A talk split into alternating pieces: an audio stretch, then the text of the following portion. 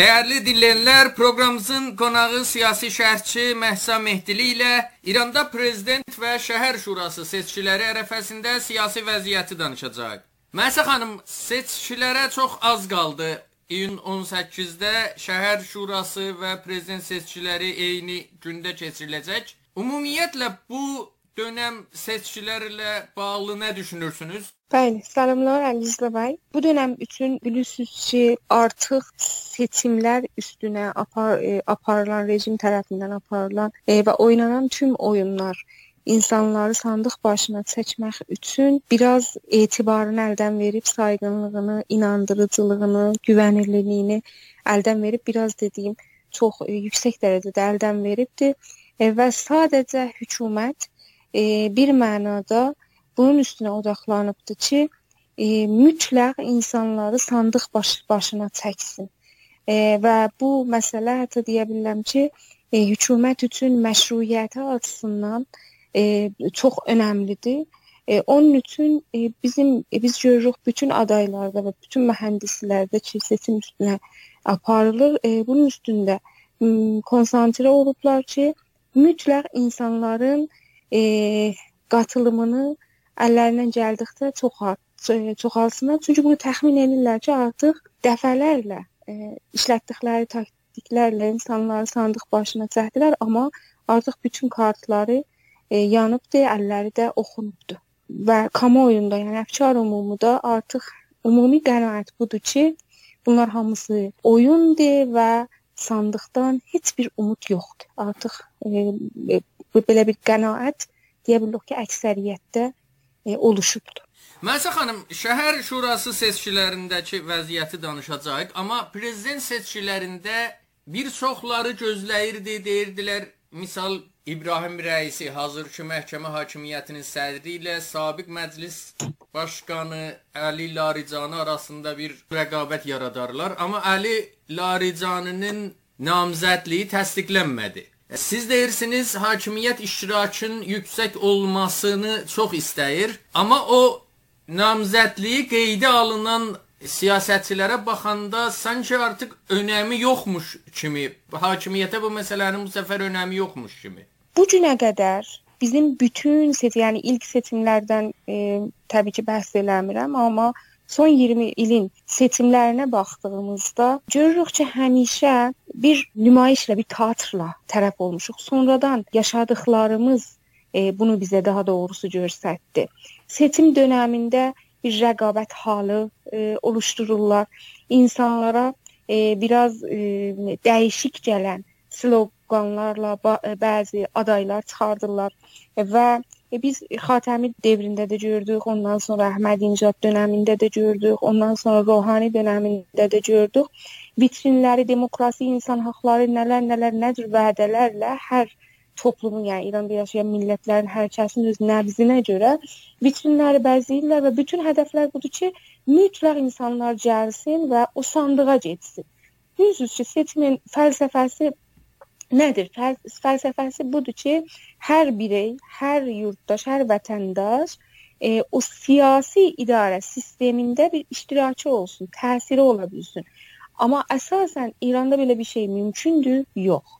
Niyə? Əsasən sistem, İrana hakim olan siyasi sistem, təriflənmiş siyasi sistem içərisində bu mümkün deyil. Yəni seçim e, seçimin fəlsəfəsi əgər təsir qoymaqdır, əgər bəlirləyicilikdir, o yurttaşın, vətəndaşın bəlirləyiciliyidir, bunun bu sistemdə sıfırdır. Sıfır olduğu üçün də sırf e, dünyaya özlərini məşru göstərmək üçün bəli seçim var və qatılım var. E, məşru göstərmək üçün bu e, deyə bilərik ki, hər dəfə bir taktik işlədirlər. Amma məncə Özəlliklə seçimdən öncə kampaniyalar, biləxərə bunların özlərinin kamuoyu əfkar ümumunu yoxlama sistemləri var, anketləri olur, araşdırırlar, incələmələri var və bilirlər ki, artıq bu oyunların heç biri cavab vermir. E, və mən e, bu səlahiyyətlərdən, səlahiyyətlərin verilməməsi və ya bu cəzai rəqabətlərin qurulmaması, bu oyunların qurulmamasının bir bölümündə buna bağlıdır. Çünki hakimiyyət hamıdan yaxşı bilir ki, yəni İran yönətimi hamıdan yaxşı bilir ki, dar e, əlləri oxunubdur və qurduqları oyunlara da e, əksəriyyət artıq inanmır. Çünki son ümidləri də e, özəlliklə reformistlər islah tələbləri meydana gətirməklə tükətiblər zaten və o oyunun da bir e, bir biçarə olmadığı üçün məncə onlar da həqiqəti bilirlər.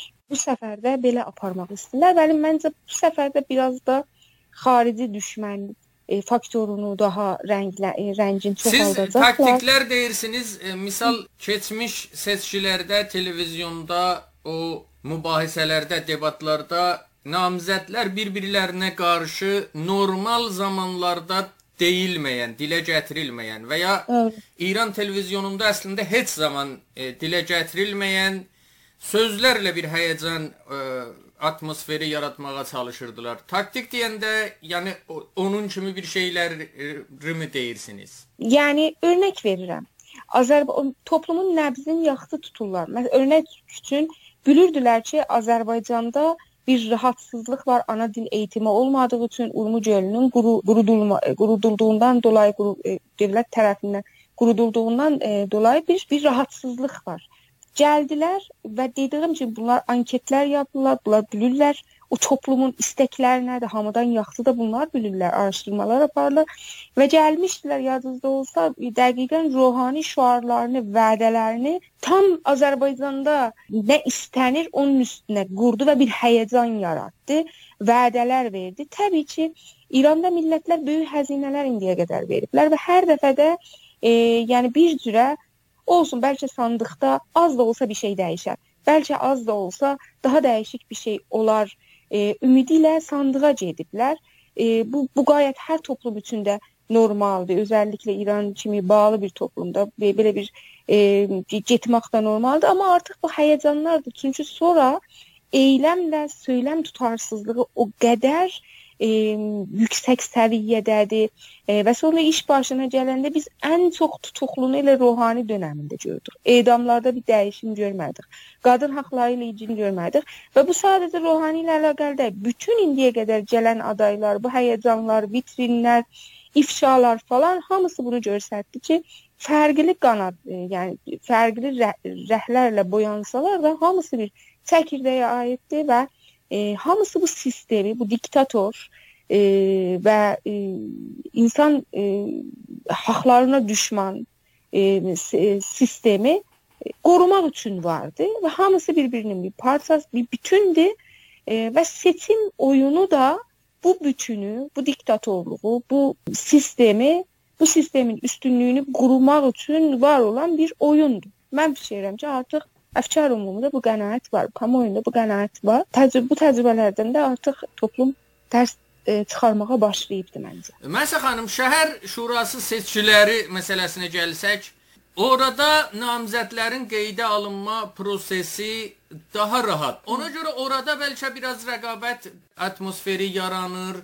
İnsanlar o namizədləri öz məhəllələrindən olur, öz şəhərlərindən, qəsəbələrindən olur, bir şəkildə tanıyırlar. Şəhər şurası seçkiləri bir şəkildə onları sandıq başına çəkə bilərmi? Əhalini. Kəsinliklə mən bunun bir taktik olduğunu düşünürəm ki, e, şəhər şurası və ya bu şuraların e, seçimi ilə prezident seçimləri eyni gündə e, olubdu. Çünki dediyim kimi prezidentin bir e, prezident məqamının bir yetkisinin ciddi olmadığı, əslində rəhbərin dini e, dini deyil də əslində siyasi liderin, sistemin liderinin e, əmir qulu e, olduğu dediyim kimi bu qənaət vardı. Artıq güvənilirliyini də itiribdi prezident formalite bir məqam olduğu da bəllidir. Zaten gələn prezidentlərin hamısı da əmrə tabe olduğu da artıq açıqdır. Bu səfər şəhər şuraları biraz daha fərqli olur seçimlərdə.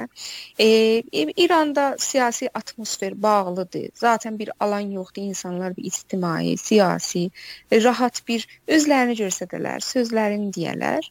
E, parti sistemi yoxdur. Kiçik şəhərlərdə, bölgələrdə kiçik toplantılara belə izin verilmir kontrolda amma şəhər e, şora, şoraları seçimləri olanda biraz fəza e, bu bağlamda e, açılır. Biraz ailələr arası, kiçik bölgələrdə, tayfalar arası, bilməm, e, fərqli tanınmış şəhərin və ya kəndin insanları arasında e, bir e, rəqabət, bir həyəcan oluşur və insanlar e, e, biraz da bu rəqabətin içində gedir sandığa. Yəni e, ayrıca şəhər şurasının çox kiçik yetkiləri olsa da e, belə çox böyük təsir e, qoyacaq nə siyasətdə, nə ekonomidə, nə hətta o şəhərin e, bir önəmli bir e, qərarında təsir qoya biləcək e, bir yetkiləri də yoxdur. Sistem də buna icazə vermir. Ancaq dediyim kimi bu e, biraz bəzi fürsətlər olur.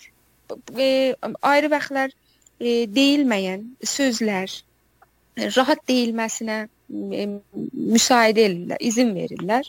E, və beləliklə e, mənə görə sadəcə yəni bütün bu sistem buna görədir ki, deyərlər diktator bir rejimin e, zaten bu rejimin başının e, və ya hətta prezidentinə onay verənlərin, təyid edənlərin sistemdə e, seçimə dayalı bir sistem deyil. E, qısır döngü deyirlər belə e, seçim sistemlərinə.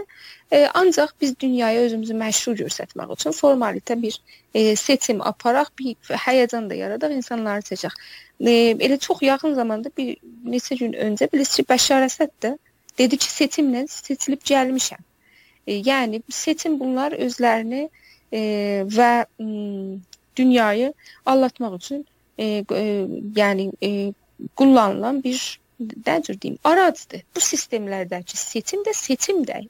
Çünki o seçimə e, qatılan və oyu kullanılan e, heç bir bireyin heç bir təsiri yoxdur idarə sistemində. Sıfır, sıfıra yaxındır. Namzədlərin o 7 namzədin elan edilməsindən Bəli. öncə çoxları İran Məclis sədrinin sabiq birinci müavini Məsud Pezeşkiyan Təbriz millət vəkili. Bəli, bəli. Onun da qeydə alınmasını gözləyirdilər, deyirdilər o daha çox türklərdən səs ala bilər. İran Azərbaycanında seçici fəallığını, seçmən fəallığını yüksəltmək üçün o da bəlkə təsdiq olunar namizədliyi olmadı. Onun yerinə 2005-ci ilin seçkilərində 3 vilayətdə Qərbi Azərbaycan, Şərqi Azərbaycan və Ərdəbildə birinci səsi qazanan Möhsün Mehrəlizadəyə verildi. Onun namizədliyi qeydə alındı. Möhsün Mehrəlizadə türklərdən səs ala biləcəkmi? İran Azərbaycanında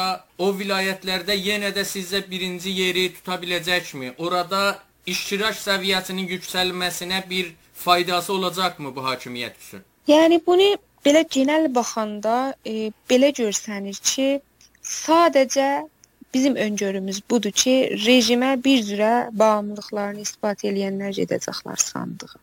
Çünki islah tələbi olsun, e, Azərbaycan türk milliyyətçisi olsun falan, e, bir çox müxaliflər, bir çox, hamısını demirəm, e, e, artıq sandıqdan heç bir umud e, işığı olmayacağının qənaətindədir.